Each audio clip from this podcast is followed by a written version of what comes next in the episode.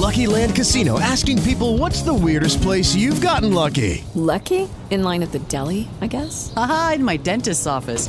More than once, actually. Do I have to say? Yes, you do. In the car before my kids' PTA meeting. Really? Yes. Excuse me, what's the weirdest place you've gotten lucky? I never win and tell. Well, there you have it. You can get lucky anywhere playing at LuckyLandSlots.com. Play for free right now. Are you feeling lucky? No purchase necessary. Void where prohibited by law. 18 plus. Terms and conditions apply. See website for details. بودكاست سكاي نيوز عربية. حياتنا.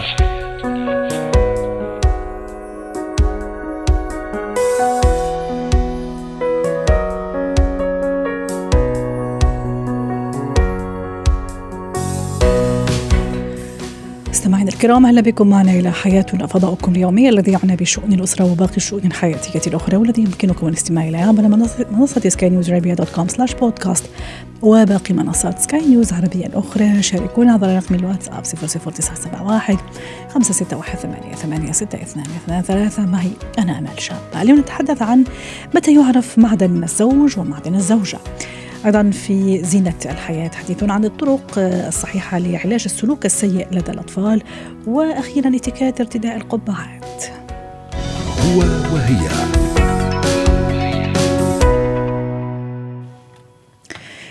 متى يعرف معدن الزوج أو معدن الزوجة أيضا؟ لماذا يتخلى البعض عن زوجاتهم أو البعض عن أزواجهن بسبب ظروف معينة صحية مرضية اقتصادية مادية وما إلى ذلك؟ وكيف تكون الصدمة ووقع الصدمة على هؤلاء؟ للحديث عن هذا الموضوع رحبوا معي بدكتور خليفة المحرزي رئيس المجلس الاستشاري الأسري ضيفنا العزيز سعد أوقاتك دكتور خليفة وأهلا وسهلا فيك معنا في موضوعنا وسؤال التفاعل ماذا يعرف أو متى يعرف معدن الزوج أو الزوجة؟ تعليق يقول معدن الزوج في مرض زوجته ومعدن الزوجة في فقر الزوج. تقريبا نفس التعليقات صراحة اللي عم أقراها محمد. يقول عند مرض الزوجة وعند إفلاس الزوج أيضا بالمواقف الصعبة. هذا تعليق وتعليق آخر يقول وفاء المرأة في فقر زوجها ووفاء الرجل في غنائها دكتور خليفة يقال أنه يعني لما واحد يكون في هيك موقف صعب ويتخلى عنه الشريك ممكن ينسى هذا الموقف ويعني والشيء القاسي عليه هو موقف الشريك وخذلانه له عن أي موقف نتحدث؟ عن أي خذلان؟ وعن أي صدمة مضاعفة أيضا نتحدث؟ العلاقة الزوجية قائمة على ركائز أساسية لعل من بينها مسألة الوفاء. والوفاء في جميع المواقف سواء كان في الضراء أو في السراء. أنا سابقا اطلعت على دراسة أجرت على عينة مكونة من 2700 زوج تهدف إلى قياس مدى تمسك الشريك إذا أصيب الطرف الآخر خاصة الزوجة بالأمراض الخطيرة مثل السرطان، مشكلات القلب، أمراض الرئة أو السكتة الدماغية. تفاجأنا بأن النتائج تشير بأن سبعة من كل عشرة من الأزواج سوف يتخلى عن زوجته في هذا الأمر. قلت يمكن إحنا خلينا نجري نفس الدراسة على المجتمع العربي لعل المجتمع العربي فيهم قيمة الوفاء أكثر من المجتمعات الغربية. أجرنا دراسة تقريبا في عام 2019 على حوالي 220 زوج. مدى احتمالية انفصال الزوج عن زوجته أو طلاقها إذا أصيبت بأي أمراض سواء كان سرطان أو تصلب المتعدد مقارنة بمرض الرجل توصلت النتيجة إلى يعني نتيجة مخيبة سميت الدراسة هجر الشريك.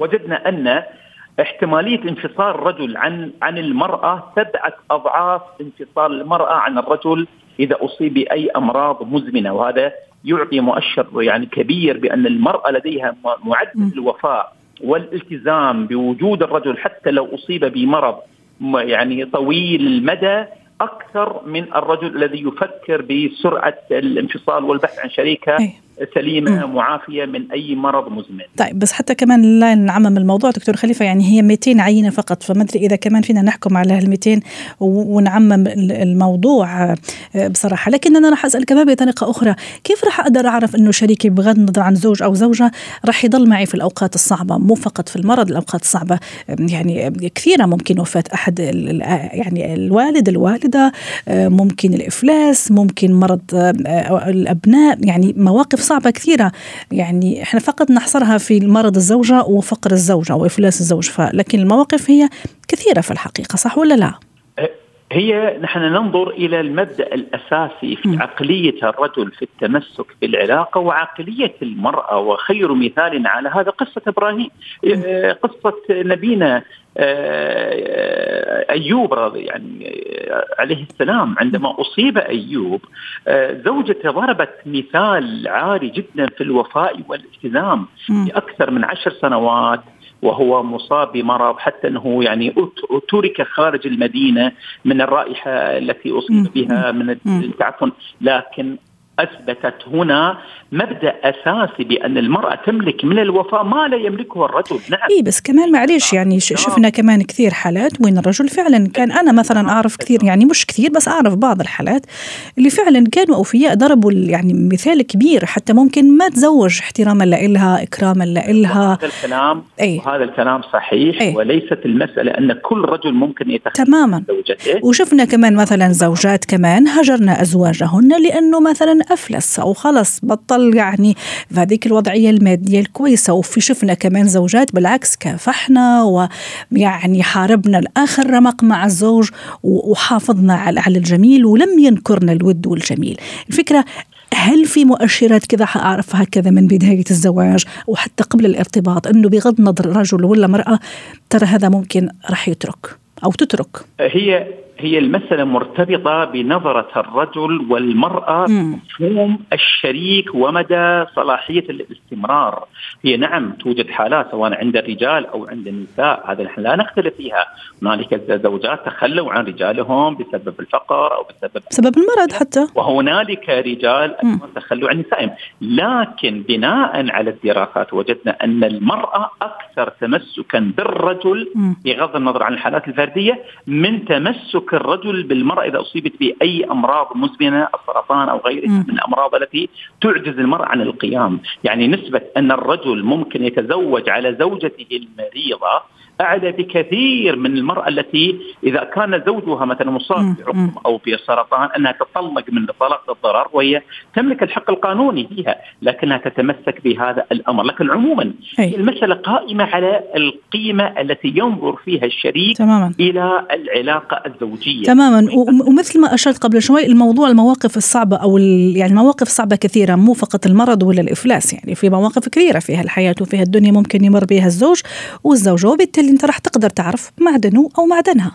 وعلى فكرة دكتور كمان يا ريت تشاركنا الرأي إلى أي درجة مهم كمان أكون واقعية في حياتي كزوج وزوجة. أعرف إنه حياتنا ما راح تكون كلها وردية. راح تيجي لحظات صعبة لحظات ألم لحظات يعني حتى سوداوية ممكن يمر فيها الشريك والشريكه وبالتالي أنا لازم أوقف يعني أقف إلى جانب هذا الشريك. وأنا كمان كشريك راح أقدر أعرف إذا فعلا هو كمان أو هي كمان راح تكون في في, في مستوى الوفاء.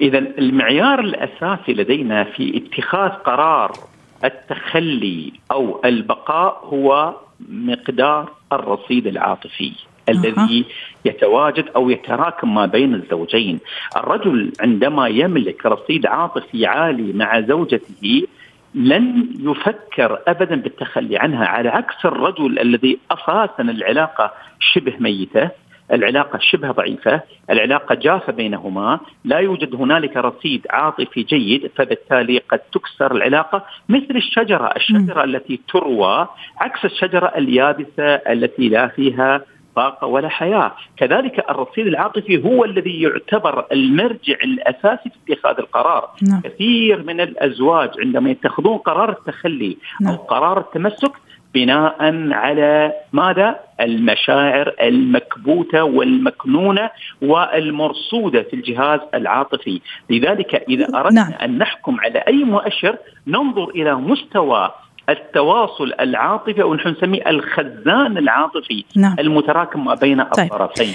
نظرتنا نظرتنا كازواج وزوجات للطرف الآخر هل كمان تحدد هذا الموضوع بمعنى أنا ما أرى الزوج فقط؟ إذا فقط حصرناه يعني وأنا ما أبغى كمان أحصره في موضوع الإفلاس والمرض. إذا حصرناه مثلا إنه الزوج فقط فائدته ومهمته في هالحياة إنه يجيب لنا فلوس.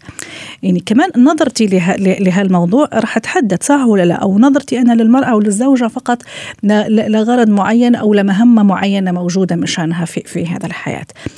هل كمان هذا عامل حاسم وضروري؟ نعم لا شك أن الانطباع الذهني للطرف الآخر يلعب دور حقيقي جدا. يعني إحنا لدينا كثير من الحالات التي لا يصاب بها أحد الطرفين بأي أمراض أو أي اعتلال مزمن إلا أن نتفاجأ بوجود أحد الطرفين يصل إلى المحاكم ويطلب الطلاق سواء كان للضرر أو للخلع أو لغيرها. نعم. لكن إحنا نتكلم عن الحالة التي فيها الصورة الذهنية المتبادلة ما بين الطرفين. هل العلاقة قائمة على مشاعر جميلة على مواقف رائعة صحيح. موجودة مكنونة بين الطرفين؟ هذه التي تحكم مستوى القرار لما يصاب أحد الطرفين بأي يعني علة أو أي مرض مستدام قد يؤثر على سير العلاقة الزوجية. شكرا لك دكتور خليفة المحرزي رئيس المجلس الاستشاري الأسري وأتمنى لك أوقات سعيدة.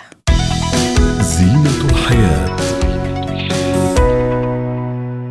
كيف أعالج السلوك السيء لدى طفلي؟ للحديث عن هذا الموضوع رحبوا معي بأماني دغلس الأخصائية النفسية والتربوية ضيفتي العزيزة من عمان أهلا وسهلا فيك يا أستاذة أماني في مناسبات كثيرة وفي مواقف كثيرة نحتاج فعلا لتعديل سلوك الطفل السيء كيف أو ما هي الطريقة التربوية الصحيحة لتعديل هذا السلوك أستاذة أماني هل تسمعينني أنت على الهواء؟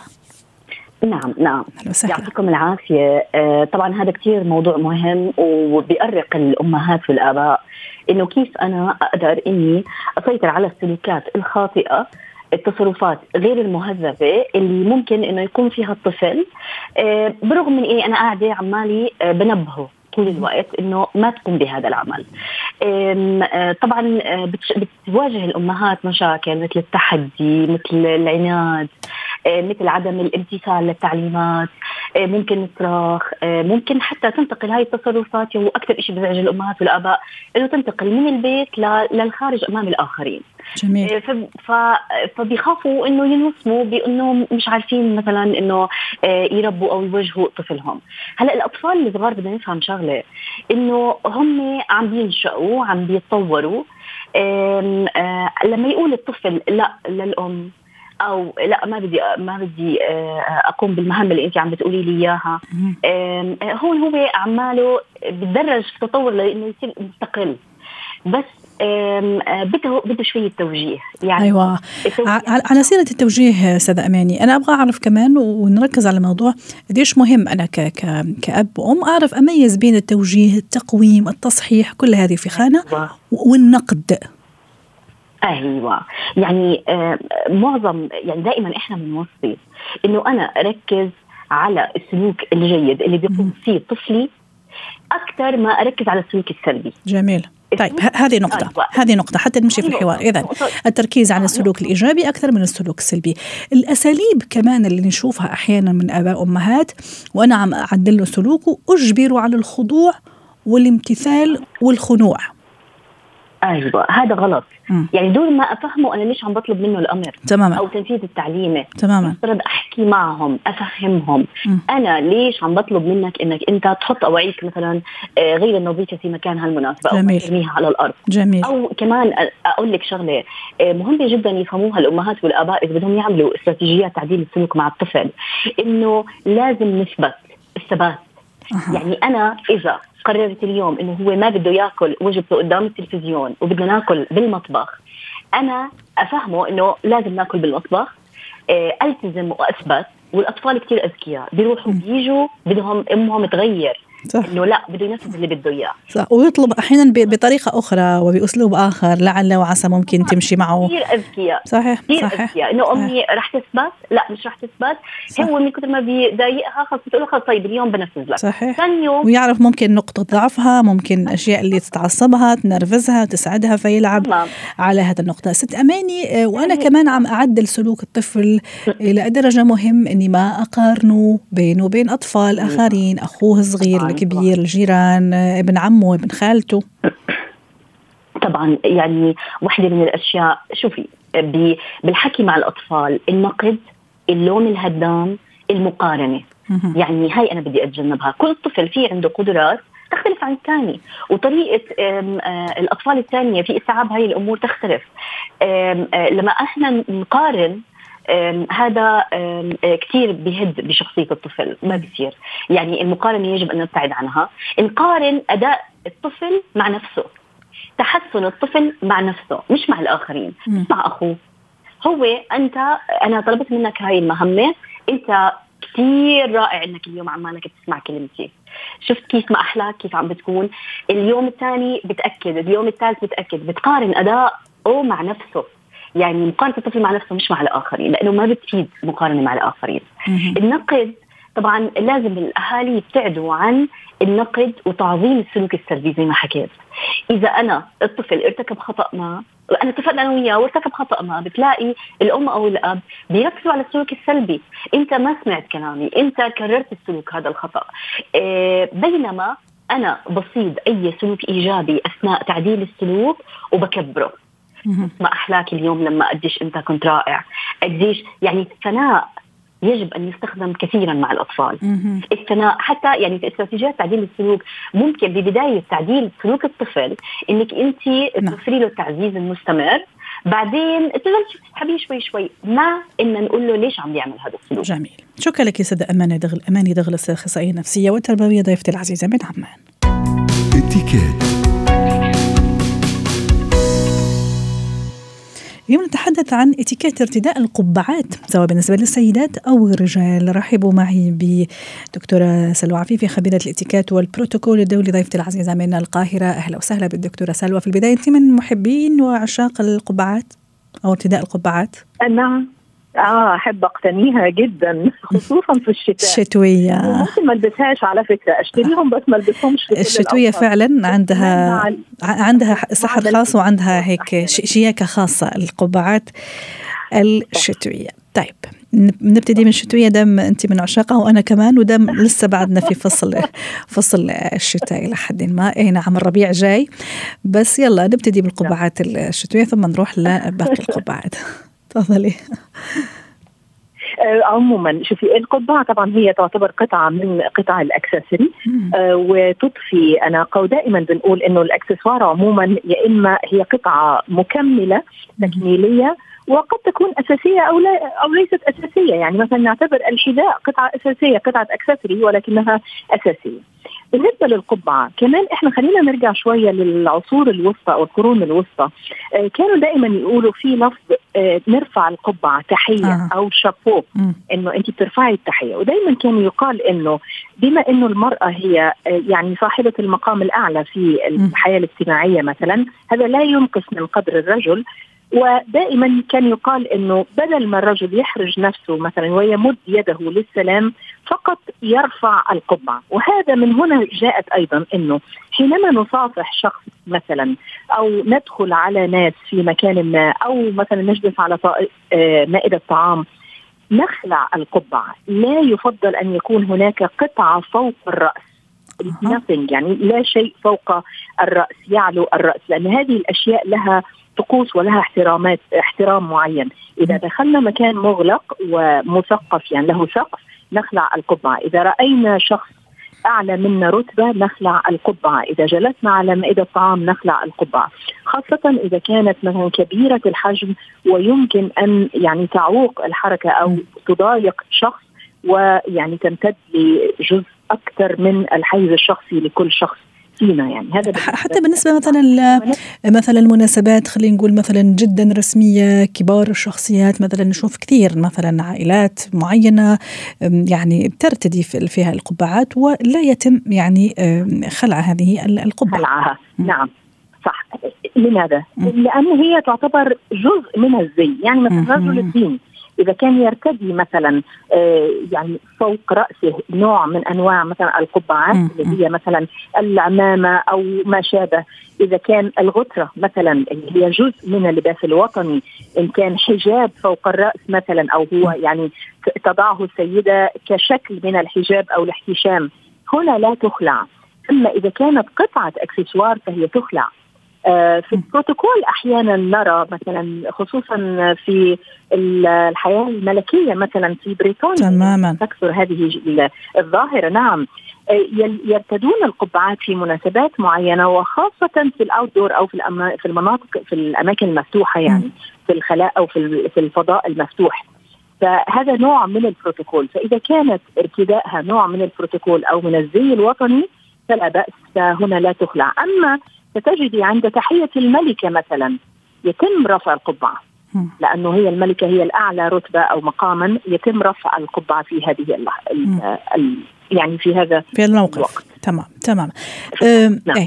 إيه. ست سلوى كمان يعني في نقطة حابة أشير لها في, في ما أعرف يعني في البعض يعني ممكن ترتدي القبعة حتى إخفاء عيوب معينة مثلا الشعر غير المهندم. نعم. ف نعم. لهي الدرجة هذا كمان منافي للبروتوكول يعني ارتداء القبعة لا يعني أنه إخفاء عيوب معينة في, في, في, في الشعر مثلا. صح. الشعر غير المهندم. صح. يعني شوفي هو المفروض إنه طبعا آه، إذا آه، يرتدى مثل ما قلت يعني مثلا كاحتشام أو مثلا أحيانا أنا أعرف ناس عايشين في دول أوروبية أو برا آه، ويمكن الحجاب كان ليس مقبول اجتماعيا فيمكن يستبدل بالقبعة. أما إذا هاي القبعة ستخفي جزء من معالم الوجه ومن الملامح لا هذا ليس هو الحل ابدا لأنه إحنا عند التواصل يفضل أن تكون يعني هناك في eye contact أو في آه، تلاقي بالنظر نعم. يكون وجهي واضح لا لا أضع شيء على فمي لما أتحدث. فيعني هي ليست لهذه الوظيفة دائما عارفة جميل. كل شيء له ال function أو الوظيفة بتاعته صح. فيفضل إنه القبعة توضع يا إما accessory يا إما من اللباس أو الزي الوطني أو الرسمي اللي م. أنا ارتديه. بالنسبة للألوان خاصة مثلا الشتوية القبعات نعم. الشتوية في ألوان وأشكال جميلة جدا، الألوان شو لازم تتبع مثلا المعطف الحقيبة يعني شو لازم تتبع بالضبط وشو الملابس اللي لازم كمان انسق معها هل كاجوال الملابس كلاسيكية وخلي كمان نعرج شوي على القبعات الصيفية حتى يعني نوفي الموضوع حقه نعم. قبل ما نختم نعم. تفضلي. أنا دائما الحقيقة يعني مثلي الاعلى في هذا الموضوع الملكة إليزابيث الثانية آه، رحمة الله عليها. فدائما كانت ترتدي القبعة مع المعطف الخارجي وكان دائما آه، ألوانها زاهية ومبهجة حتى لو إنه بنقول إنه الألوان الرسمية الألوان الغوامق مثلا ومع ذلك إذا كان لبسي متناسق مع بعضه فلا بأس. يفضل إنه يكون ألوان الإكسسوار موحدة م. يعني مثلا القبعة ممكن مع الشنطة مع الحذاء أو مع الرداء الرسمي م. بشرط إنه لا تتعدى الالوان ثلاثة ألوان جميل. آه يعني ممكن إن هي تكون لون مختلف تكون هي القطعة المميزة ومع ذلك أحافظ على إنه جميع. ملابسي لا تزيد عن الثلاثة ألوان. ونفس الشيء بالنسبة للصيف عم نختم أستاذ سلوى لأن الوقت عم يداهمنا نفس الشيء بالنسبة لقبعات الصيف اللي ممكن الواحد ياخذ راحته أكثر والألوان زاهية أكثر وتكون مور كاجوال يعني. مع البحر مع الملابس الرياضية طبعا تكون أحلى ونوعها مختلف طبعا. لا تكون من القماش ممكن تكون من القش ممكن تكون من مثلا يعني شيء مختلف شوية تتناسب مع الجو الصيفي. ومع ذلك نحرص على إنه إذا خاطبنا أحد أو قابلنا أحد في البداية أو دخلنا على مكان أو دخلنا على سيدات أكبر منا أو ناس أكبر منا في الرتبة يعني نخلع القبعة تحية لهم واحتراما لهم. شكرا لك دكتورة سلوى عفيفي أتمنى لك أوقات سعيدة ضيفتي من القاهرة. حياتنا. ختام حلقة اليوم من حياتنا. شكرا لكم. وإلى اللقاء.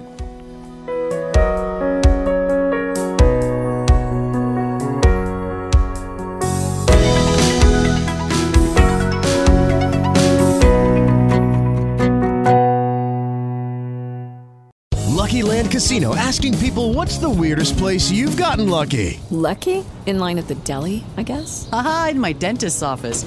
More than once, actually. Do I have to say? Yes, you do. In the car before my kids' PTA meeting. Really? Yes. Excuse me, what's the weirdest place you've gotten lucky? I never win and tell. Well, there you have it. You can get lucky anywhere playing at LuckyLandSlots.com. Play for free right now. Are you feeling lucky? No purchase necessary. Void where prohibited by law. 18 plus. Terms and conditions apply. See website for details.